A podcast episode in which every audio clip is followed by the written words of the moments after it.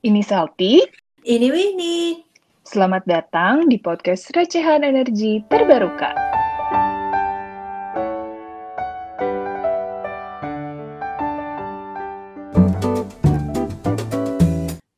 Setelah dari Belanda, Sita kembali ke Indo kan? Tadi udah agak disebutin dikit sih nama perusahaannya. Tapi bisa coba dijelasin dikit nggak perusahaannya apa, terus bisnisnya tuh apa sih sebenarnya di perusahaan ini? Jadi setelah dari yang Aliander itu, eh, aku eh, pindah ke Indonesia. Nah, waktu itu uh, sempat uh, kerjanya di company sampai sekarang namanya Aku Energy. Jadi Aku Energy itu kayak independent power producer, jadi IPP di bidang energi terbarukan. Jadi kita kayak bikin pembangkit dari energi terbarukan gitu. Jadi buat globalnya itu power plant yang kita bangun itu tenaga yang paling banyak tuh PLTB, tenaga bayu atau wind farm sama PLTS, tenaga surya gitu. Terus kalau di Indonesia sendiri kita ada juga hydro, mini hydro sih sama biomass sama beberapa hybrid gitu antara baterai sama PV buat di rural uh, area. Nah, itu kan joinnya udah empat atau lima tahun yang lalu mm -hmm. kali ya. Uh, kan pada saat itu tuh perusahaan EBT sebenarnya udah ada sih, cuman belum sehit sekarang kan banyaknya mm -hmm. gitu. Mm -hmm. Nah, gimana tuh bisa dapat info tentang lowongan pekerjaan di Aquo, terus cari infonya di mana?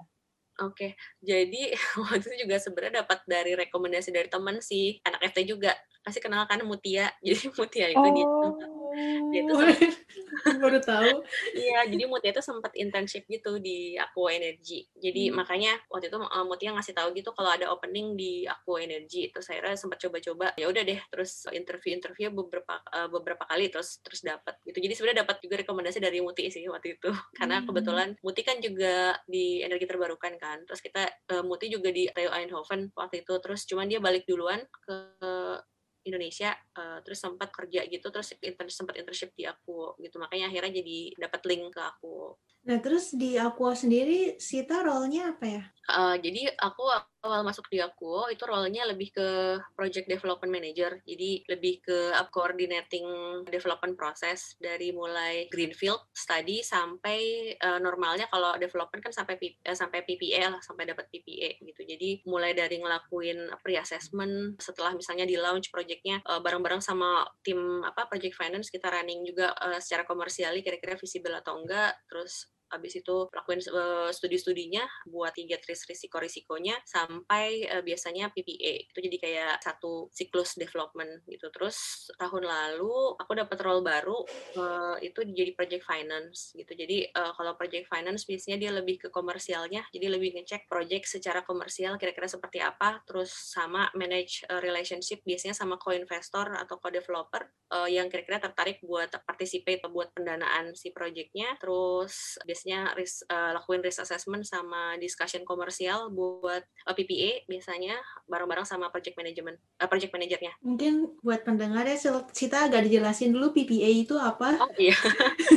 Jadi PPA itu kayak apa ya power purchase agreement. Jadi kayak perjanjian jual beli antara developer kayak misalnya aku gitu sama kliennya gitu yang akan bersedia untuk bayar uh, energi yang disalurkan gitu. Jadi kalau buat project-project gede biasanya kan uh, di Indonesia itu pasti sama PLN gitu. Jadi PLN pasti jadi uh, off taker. Jadi biasanya kita punya PPA sama PLN atau kalau project-projectnya kecil biasanya kita juga karena aku juga kita ngerjain corporate PPA, private PPA. Jadi kita juga pasang uh, solar PV atau uh, mini hydro gitu dan dijualnya itu langsung ke perusahaan-perusahaan gitu. Nah, itu kadang kita juga punya PPA namanya uh, corporate PPA atau private PPA dengan uh, klien kita gitu tergantung siapa kliennya. Nah, kalau lagi develop project nih sebelumnya kan dari dari project development development mm. manager. Nah, tantangan apa sih yang biasanya yang paling menantang untuk project di Indonesia? Oke, kalau di Indonesia mungkin kalau uh, oke okay, mungkin teh kalau karena waktu itu kan aku lebih ke win apa win development. Kalau buat win kan pasti tantangannya dari sisi karena barangnya oversize jadi kayak logistik jadi banyak studi-studi yang perlu dilakuin sih. Mungkin Winnie juga paling jago lah kalau kalau ngejelasin masalah. Kakak senior lah lebih jago. Terus gimana?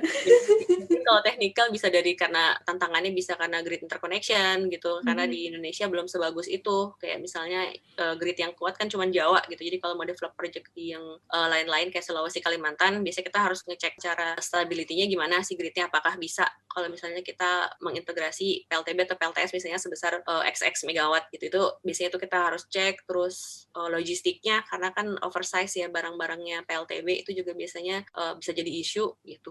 Kadang portnya nggak nggak cocok apa ya nggak perlu dilakukan modifikasi gitu yang akhirnya ke cost gitu biasanya. Terus kadang juga dari sisi foundation loh karena tanah di kita kadang either tanahnya terlalu lembek gitu kan karena buat tanah pertanian bikin fondasi apa fondasinya cukup mahal atau malah kadang karena letaknya di pegunungan itu biasanya dari materialnya itu dari kapur ya batu kapur gitu. Jadi dia itu banyak hole-nya banyak bolong-bolongnya gitu. Jadi itu uh, kadang kita juga mesti ngelakuin soil study ngecek kira-kira kedalamannya berapa sih buat bikin fondasi yang cukup kuat gitu. Karena untuk PLTB juga lumayan isu kan masalah fondasi karena dia tinggi bangunannya gitu. Jadi kadang kalau dari teknikal itu sih biasa jadi problem sama wind pasti uh, masalah wind measurement campaign karena kan angin di Indonesia juga kan sebenarnya nggak segitu kencang dibandingin uh, kayak Eropa atau Amerika Latin gitu kan. Tapi sebenarnya kadang yang lebih uh, jadi isu juga dari sisi yang non teknikal sih kadang kayak misalnya uh, land acquisition gitu kan. Dah pastilah problem bersama gitu.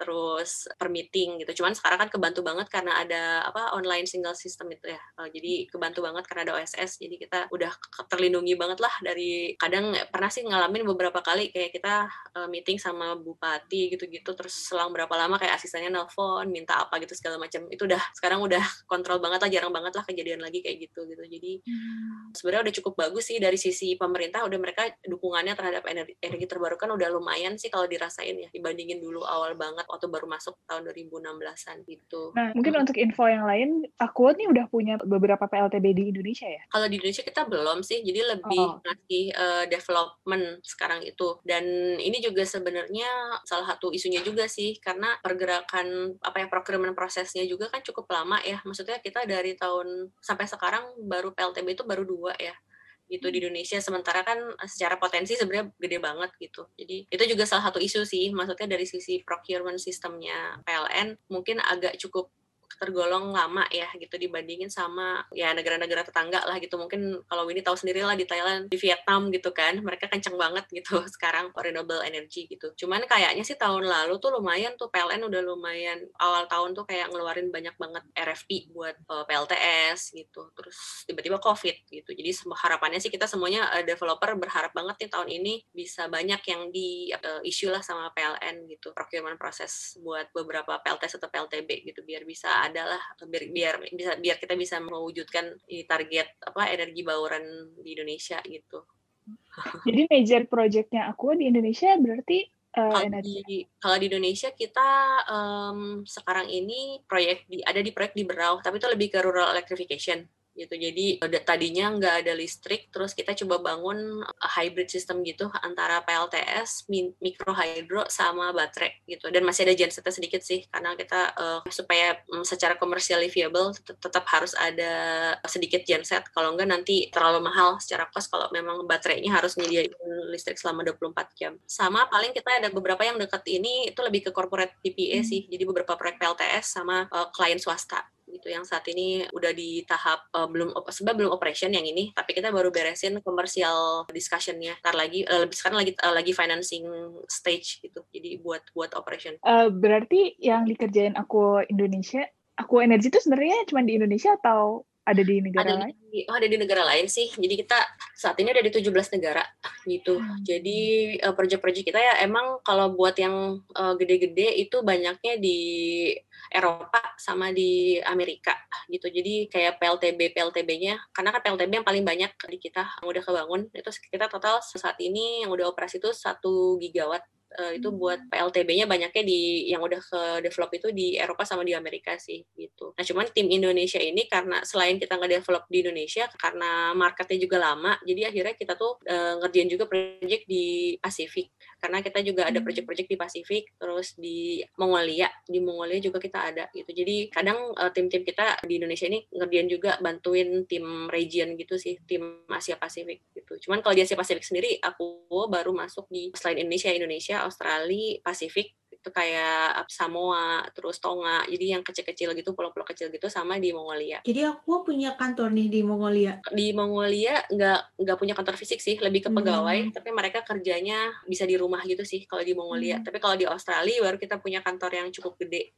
Biasanya beberapa tim yang ngerjain Pasifik juga dia di Australia domisilinya. Terus uh, fokusnya Sita sendiri di Aqua itu cuma di Win aja apa juga terlibat di bisnis-bisnis Aqua yang lain? Kalau dulu itu di, aku di Win doang gitu. Jadi selain Win kayak misalnya selain di Win di Indonesia bantuin yang Win di Pasifik gitu. Cuman karena sekarang udah project finance jadi akhirnya project finance-nya buat semua semua apa semua teknologi gitu. Uh, dan karena kan emang buat di apa region Indonesia sama Pasifik pun kita uh, banyaknya sekarang project solar sih. Jadi lebih ke selama ini sih ngerjain project finance banyaknya lebih ke solar sih buat proyek PLTS lah gitu sekarang. Karena emang yang lagi apa ya yang lagi masuk di advance stage itu lebih ke PLTS sih. PLTB kita belum terlalu inilah sekarang masih di development uh, stage sekarang itu. Nah, selama kerja kira-kira tuh gimana sih cara mengetahui ilmu-ilmu atau apa sih yang harus dilakukan itu lebih banyak sebenarnya apa yang dipelajari di sekolah uh, master itu berguna nggak sih? Atau lebih banyak yang belajar tuh pas benar-benar di, udah di dunia kerja gitu baru belajar otodidak lah ibaratnya? Menarik sih pertanyaannya. Jadi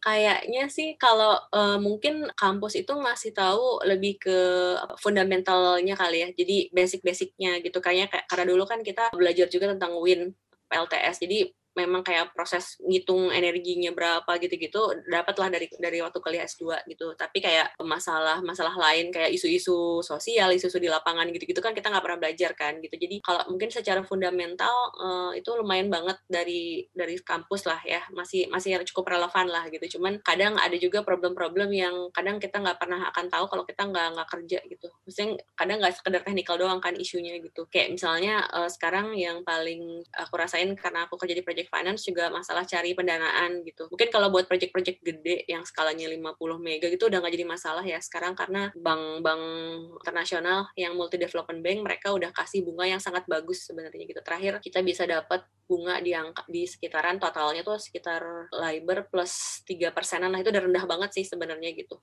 Cuma tiga ya ibaratnya cuma totalnya jadi sekitar tiga persenan lah gitu. Jadi tiga persen sampai empat persen gitu. Itu udah rendah banget kan untuk USD ya USD facility gitu. Nah, cuman kadang begitu proyeknya uh, kecil skalanya gitu, kita udah nggak bisa deketin bank-bank model kayak gitu kan gitu. Karena mereka biasanya punya minimum tiket size. Uh, misalnya mereka cuma mau biayain uh, project-project yang project cost itu sampai 100 juta misalnya. Nah, jadi kadang buat project-project kecil itu kita kesusahan buat nyari pendanaan yang cukup menarik gitu. Jadi biasanya kita harus cari either dari commercial bank atau dari fund managers, fund managers gitu. Jadi kayak apa ya lembaga finansial yang kecil-kecil gitu dan biasanya biasanya mereka kan minjem juga dari bank jadinya akhirnya ada mereka pinjam dari bank plus margin dari mereka jadi kadang kita dapat interest rate-nya cukup besar gitu. Sementara buat develop project kecil itu kita kadang harus ngelakuin studi yang sama gitu. Terus jadi susah lah jadi jadi secara keekonomian tuh agak susah gitu. Jadi itu jadi problem. Belum lagi uh, kadang kan beberapa project itu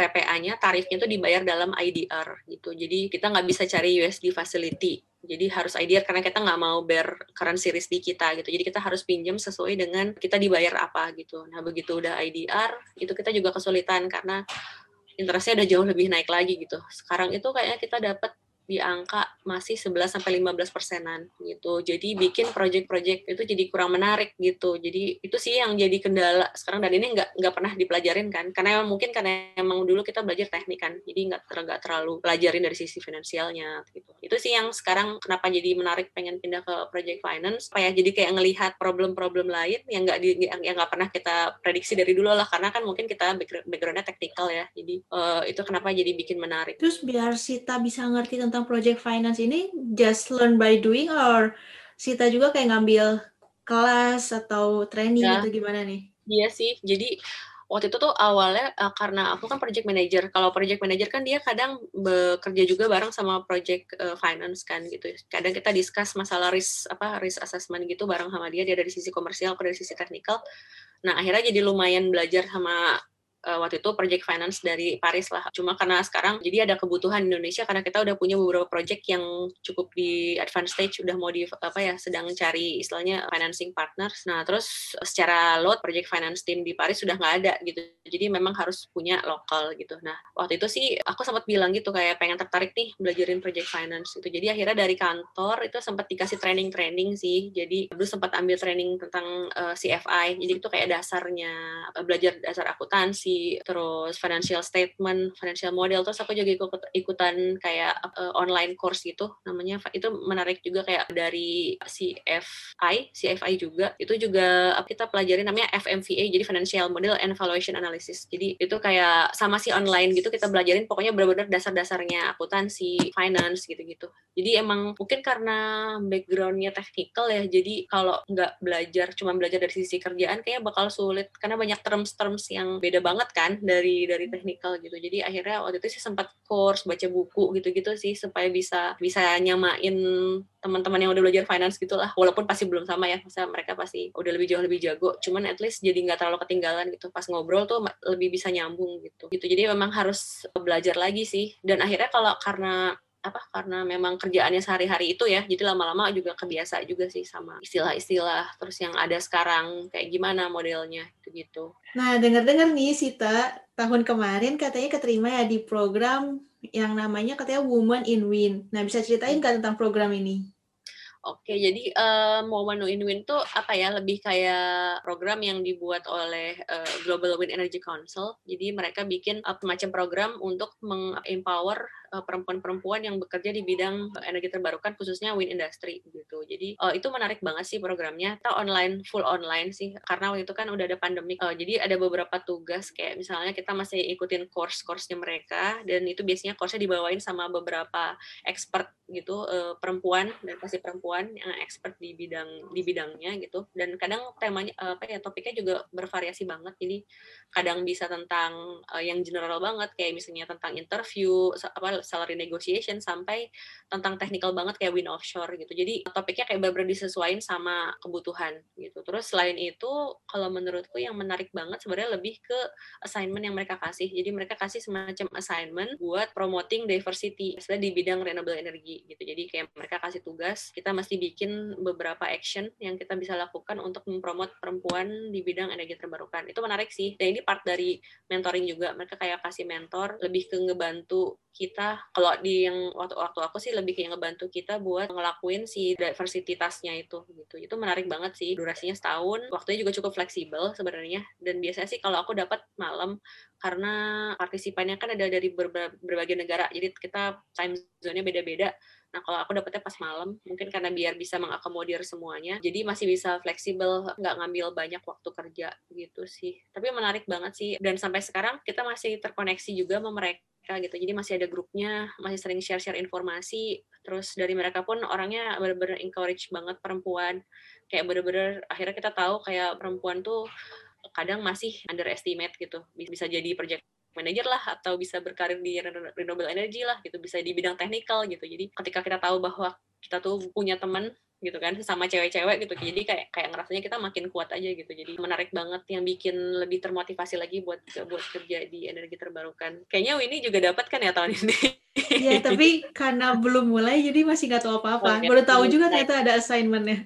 Ada sih ada assignment tentang diversity tapi itu menarik banget. Karena dia nggak nggak hmm. nargetin ini benar-benar ngebebasin sama kita apa gitu. Kalau waktu itu aku bikin sama Lydia. Jadi Lydia tuh kayak mentorku waktu itu. Kita bikin ini akhirnya bantuin SRI Society of Renewable Energy tau nggak? Yang Oh iya, yang kampus-kampus itu ya. ITB Kita bikin kayak webinar-webinar tentang energi terbarukan dan cewek hmm. semua yang ngisi gitu-gitu. Terus hmm. itu juga lumayan seru sih ada mentoringnya gitu-gitu. Jadi kita kayak bantu kita support SRI buat bikin acara pokoknya tentang woman empowerment di energi di bidang energi. Karena uh, dari studi kita kita ngerasa kenapa cewek masih dikit uh, yang jadi apa ya yang yang berkarir di renewable energy juga karena emang pas apa ya kalau kita cek dari sisi rekrutmen itu juga emang dikit cewek yang daftar gitu jadi kita mikirnya oh mungkin pertama kita mesti naikin awarenessnya mereka dulu kali gitu jadi makanya kita bikin kayak webinar-webinar gitu tentang energi. Kita tapi, juga ini dua cewek, tapi sebenarnya kita nggak empower, empower, empowering women. Jadi empowerment juga ya. Bisa sih salah satu untuk.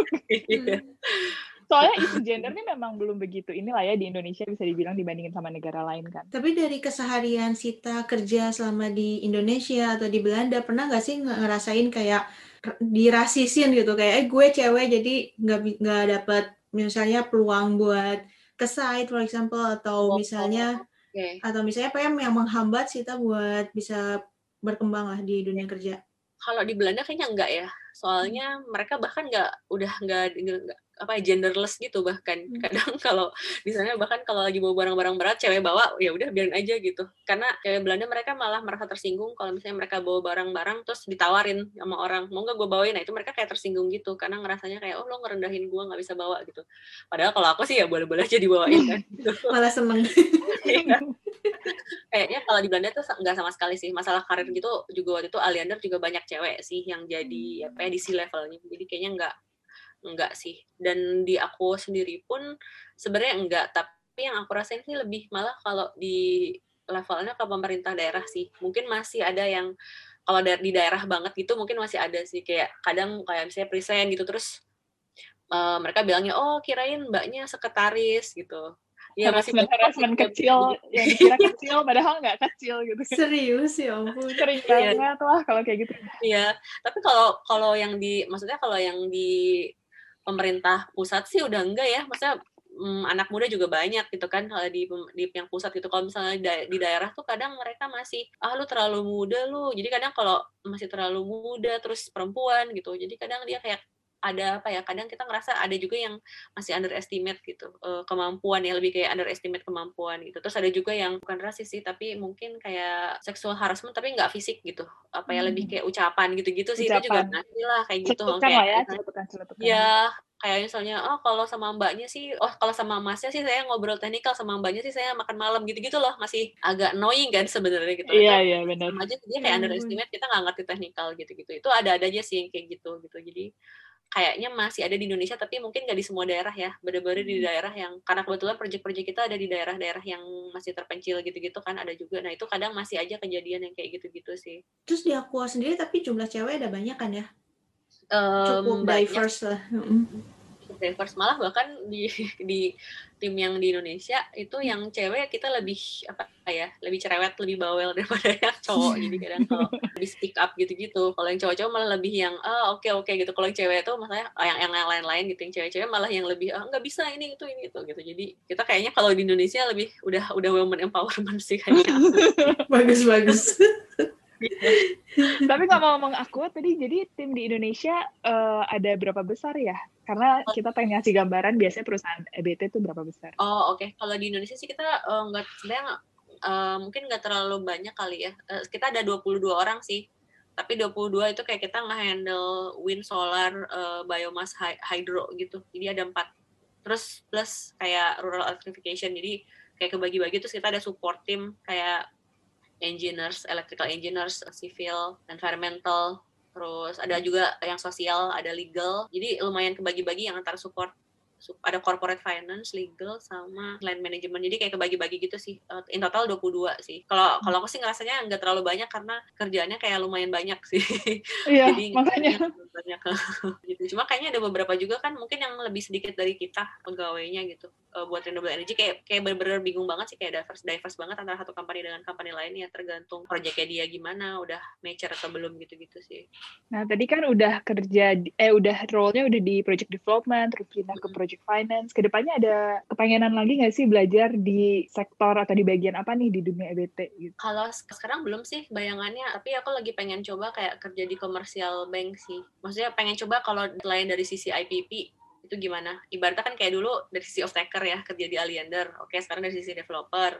Nah, pengen coba dari sektor yang lain aja sih biar dapat satu full iya. cycle gitu sih. Pengen tahu aja. Sebenarnya karena aku mikirnya untuk proyek-proyek yang tadi yang kecil-kecil kan, kita kan masih nggak begitu menarik ya karena interest rate yang tinggi. Nah, sebenarnya pengen tahu sih kalau dari sisi investment banking gitu kenapa mereka masih nawarin yang cukup tinggi gitu. Gimana caranya pengen tahu supaya si interest rate itu bisa lebih ya lebih rendah lah ya. ya lebih rendah, lebih rendah, lebih menarik lah buat project-project uh, atraktif lebih atraktif buat project-project uh, kecil gitu. Itu sih makanya pena, makin masih penasaran. Menarik sih ini menarik banget. Kan biasanya orang uh, perbankan tuh memang backgroundnya benar-benar ya udah keuangan finance atau yeah, apalah kan. jadi yeah, mereka yeah. pengetahuan tentang teknikal dan hal-hal yang lainnya tuh nggak ada gitu. Menarik. Kita dukung yeah. ya. Jadi gue kita nah sekarang ya termasuk topik terakhir Nah, setelah bertahun-tahun di dunia EBT nih, terutama di dunia EBT di Indonesia, menurut kita apa sih hal yang paling menantang gitu buat EBT di Indonesia untuk berkembang? Paling menantang ya, mungkin lebih ke ini kali ya, ada macam-macam ya. Misalnya kayak tadi dari sisi financing, mungkin itu juga masih cukup menantang di Indonesia. Gimana caranya financiers mereka bisa cukup nyaman untuk minjemin duitnya di Indonesia gitu kan, supaya mereka bisa gak menaruh banyak risk gitu kan, gak melihat si project terlalu banyak risk sehingga mereka akhirnya ngasih interest rate yang cukup tinggi gitu. Jadi gimana caranya nih di Indonesia kita bikin climate investment yang enak gitu. Jadi biar mereka bisa nyaman untuk investasi dan uh, bisa bisa bisa apa ya bisa ngasih investasi dengan rate yang cukup rendah gitu. Itu kayaknya masih masih cukup menantang di Indonesia gitu. Apalagi kalau misalnya kita minjem duitnya dalam dalam IDR gitu. Kayak misalnya gimana nih caranya untuk ngadepin currency risk gitu. Kalau setauku tuh di beberapa negara di luar kayak di Filipina itu ada bank lokal yang mereka berani nanggung currency risknya gitu. Jadi mereka mereka tuh kayak apa ya kayak guarantor gitu. Ah jadi misalnya kita oke okay, kita dibayar dalam IDR tapi kita masih bisa pinjem dalam USD tapi nanti bank ini masuk dia sebagai penggaranti si currency risk itu gitu. Jadi akhirnya kita untuk proyek-proyek yang masih dalam rupiah uh, pembayarannya kita tetap bisa cari financing dalam USD gitu. Itu juga lumayan menarik kalau bisa diimplementasi di Indonesia gitu. Itu. Terus mungkin dari sisi fiscal insentif juga di mungkin ke depannya kayak misalnya di solar sendiri kan oke okay, kita TKDN itu diwajibkan gitu itu kita paham. Cuma mungkin kalau misalnya selain TKDN di, dibebankan kepada uh, developer mungkin ada juga kayak kebijakan-kebijakan pajak gitu kayak misalnya VAT itu kita nggak kena gitu misalnya. Jadi karena gini ketika kita TKDN itu kan berarti VAT lokal kita naik. Nah sementara VAT lokal kita kalau di bidang IPP itu kan nggak bisa di reimburse gitu. Akhirnya jadi terkapitalisasi jadi mahal proyeknya gitu. Nah itu kalau misalnya si VAT itu bisa dibebaskan di exempt gitu kita gitu kan. Tentunya kita senang juga gitu pakai TKDN gitu misalnya mungkin lebih ke itu sih lebih ke terus juga konsistensi antara pemerintah pusat sama PLN misalnya gitu. Jadi kayak misalnya nih dari SDM mereka udah ngedukung EBT gitu kan tapi PLN-nya masih belum terlalu gerak gitu. Jadi kita agak bingung gitu kan. Kita harus mengikutnya ke mana gitu. Misalnya dari SDM itu udah bikin plan begini begini begini tapi pas direlasisin sama PLN ternyata nggak nggak secepat itu gitu kan kita punya target oke okay, 2025 23 persen gitu. Nah cuman sampai sekarang aja maksudnya dari sisi PLN dia pengadaan masih belum sebanyak itu gitu kan. Jadi gimana nih caranya biar apa ya bisa beriringan nih sama-sama SDM sama PLN itu kerjanya lebih terkoordinir bersama gitulah. Jadi biar bener-bener nih kadang tuh proyek itu banyak yang udah siap ready to apa ya ready to udah shuffle ready gitu kan. Cuman nggak bisa diimplementasiin karena apa? Programnya belum terjadi itu belum dibuka gitu-gitu sih. Maksudnya kadang suka ngobrol juga sama developer-developer lain kan mereka juga problemnya sama sama aku gitu. Udah punya project studinya udah lengkap perizinan udah lengkap tapi mandek semuanya gara-gara procurement belum dibuka-buka misalnya sama PLN ya itu sih mungkin masih jadi tantangan sekarang. Tahun lalu memang PLN udah bagus banget uh, buka banyak tender tapi mungkin ada halangan COVID gitu. Jadi harapan kita sih tahun ini bisa balik lagi kayak tahun lalu gitu kan. Kita juga udah lihat sih kayak PLN udah mulai buka DPT, terus mereka juga udah sekarang mereka udah ngelibatin PJB juga kan untuk nge-develop renewable energy energi juga, terus jadi partner dari developer juga. Itu udah kelihatan sih harapannya semoga konsisten terus yang dilakukan oleh PLN. Jadi biar bisa terrealisasi targetnya. Nah, terus menurut Cita ke depannya EBT di Indonesia bakal kayak apa? Cukup promising nggak nih? Kalau menurutku sih pasti sih karena renewable energy itu udah pasti sesuatu yang akan terjadi in the future tinggal waktunya kapan kan sebenarnya gitu. Maksudnya ini di tetang, negara tetangga itu semuanya udah udah apa ya udah jauh lebih dari Indonesia kan. Pasti Indonesia at some point akan di level yang sama gitu kan. Tinggal kapan aja waktunya gitu. Jadi kalau menurutku sih udah cukup promising ya. Jadi harusnya sih uh, ke depannya ini harus lebih lancar dari yang sebelum sebelumnya sih harusnya ya. Maksudnya trennya dunia itu pasti ke sana kan gitu. Kita nggak mungkin terus terusan pakai batu bara kan atau pakai fossil fuels lah ibaratnya gitu. Jadi masa depan kita pasti energi terbarukan gitu kan. Sekarang juga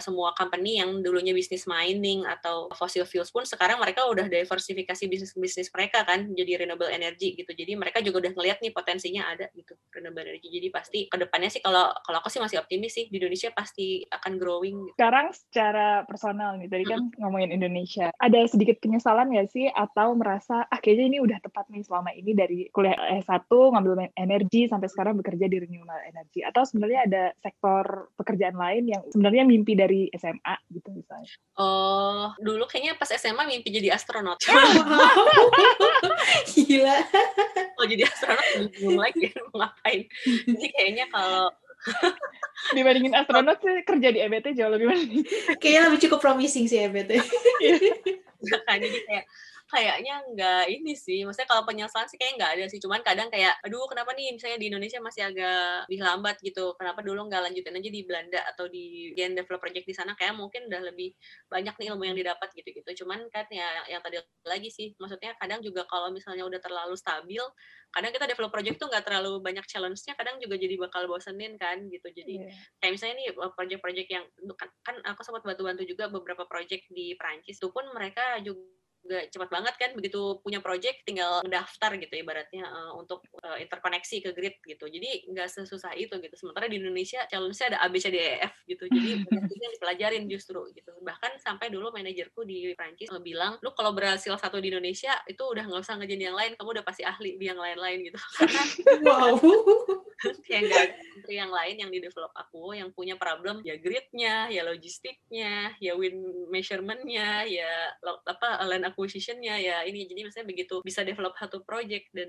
semuanya teratasi itu kayak udah memasterin banyak banget skill gitu. Jadi kayak oh iya juga ya benar juga ya. Mungkin dia memotivasi kali ya biar biar biar tetap mau kerja di Indo gitu gitu sih. Jadi ya kadang suka mikir lah kenapa ini ya? Cuman setelah dipikir-pikir lagi ya nggak apa-apa juga toh justru banyak challenge kita makin belajar kan ya. Nah pertanyaan terakhir nih kalau ada junior nih datang ke Sita gitu terus minta saran dia itu mungkin tertarik nih di dunia EBT nah dari Sita sendiri apakah akan menyarankan atau malah bilang enggak soalnya gila EBT tuh tantangannya tuh banyak banget gitu. Jadi jadi gimana nih pesan-pesan apa yang akan Sita kasih ke junior-junior Sita? Mungkin kalau untuk nyaranin tetap sih maksudnya kayak ini emang promising gitu kan. Ibaratnya uh, future kita akan selain IT ya maksudnya uh, bisnis IT kalau aku sih masih mikir renewable energy juga masih bakal jadi future kita lah gitu. Jadi kalau sekarang mungkin orang belum banyak yang ahli kan. Tapi jadinya begitu kita ahli kita jadi uh, jadi orang yang unik gitu kan yang punya punya kemampuan di situ gitu. Cuman pastinya bakalan open juga maksudnya nggak segampang itu juga gitu kan. Banyak problemnya gini gini gini gini. Maksudnya tapi tetap tetap uh, pasti akan endorse sih maksudnya renewable energy dengan catatan ya bahwa challenge-nya cukup banyak kalau di Indonesia gitu. Jadi biar dia juga siap gitu loh. Nggak, nggak mikirnya kayak yang indah-indahnya aja biar dia tahu juga. Maksudnya challenge-challenge-nya juga lumayan banyak gitu di Indonesia. Bener-bener. Termasuk dari pertama nih, cari kerja di EBT aja udah susah banget. Iya, betul. Iya, betul sih. Tapi sekarang itu ini loh, banyak banget kayak mining company yeah. mereka udah lumayan ini kan. Oh iya, iya. Diversifikasi ke EBT ya? Diversifikasi, jadi kayak mungkin udah nambah lebih banyak kali ya walaupun belum sebanyak itu gitu. Karena kan sekarang kayaknya banyak banget kan yang lulusan renewable energy yang S2 gitu kan yang bahkan S2 juga banyak pengen S1 yang pengen di sana dan S2 yang pengen di sana udah banyak banget sekarang. Semoga kalau kita makin banyak yang bisa terrealisasi makin banyak juga kan lapangan kerjanya gitu. Jadi bisa memfasilitasi semuanya. Hmm. dan mungkin ntar aku dari 22 orang jadi 100 orang Nah, ya. Atau jadi 200 orang dan akan berkembang jadi yang pada lulusan S2 renewable energy bisa kerja ya. di Akuo. nah, teman-teman, itulah ngobrol-ngobrol kami dengan Sita. Baik banget ya hal-hal yang kita pelajari ya Win dari tentang bagaimana perbandingan grade di Belanda dan Indonesia. Terus juga tadi kita sempat nyenggol tentang gender woman empowerment. Nah, untuk selanjutnya kami juga akan undang-undang teman kami lainnya.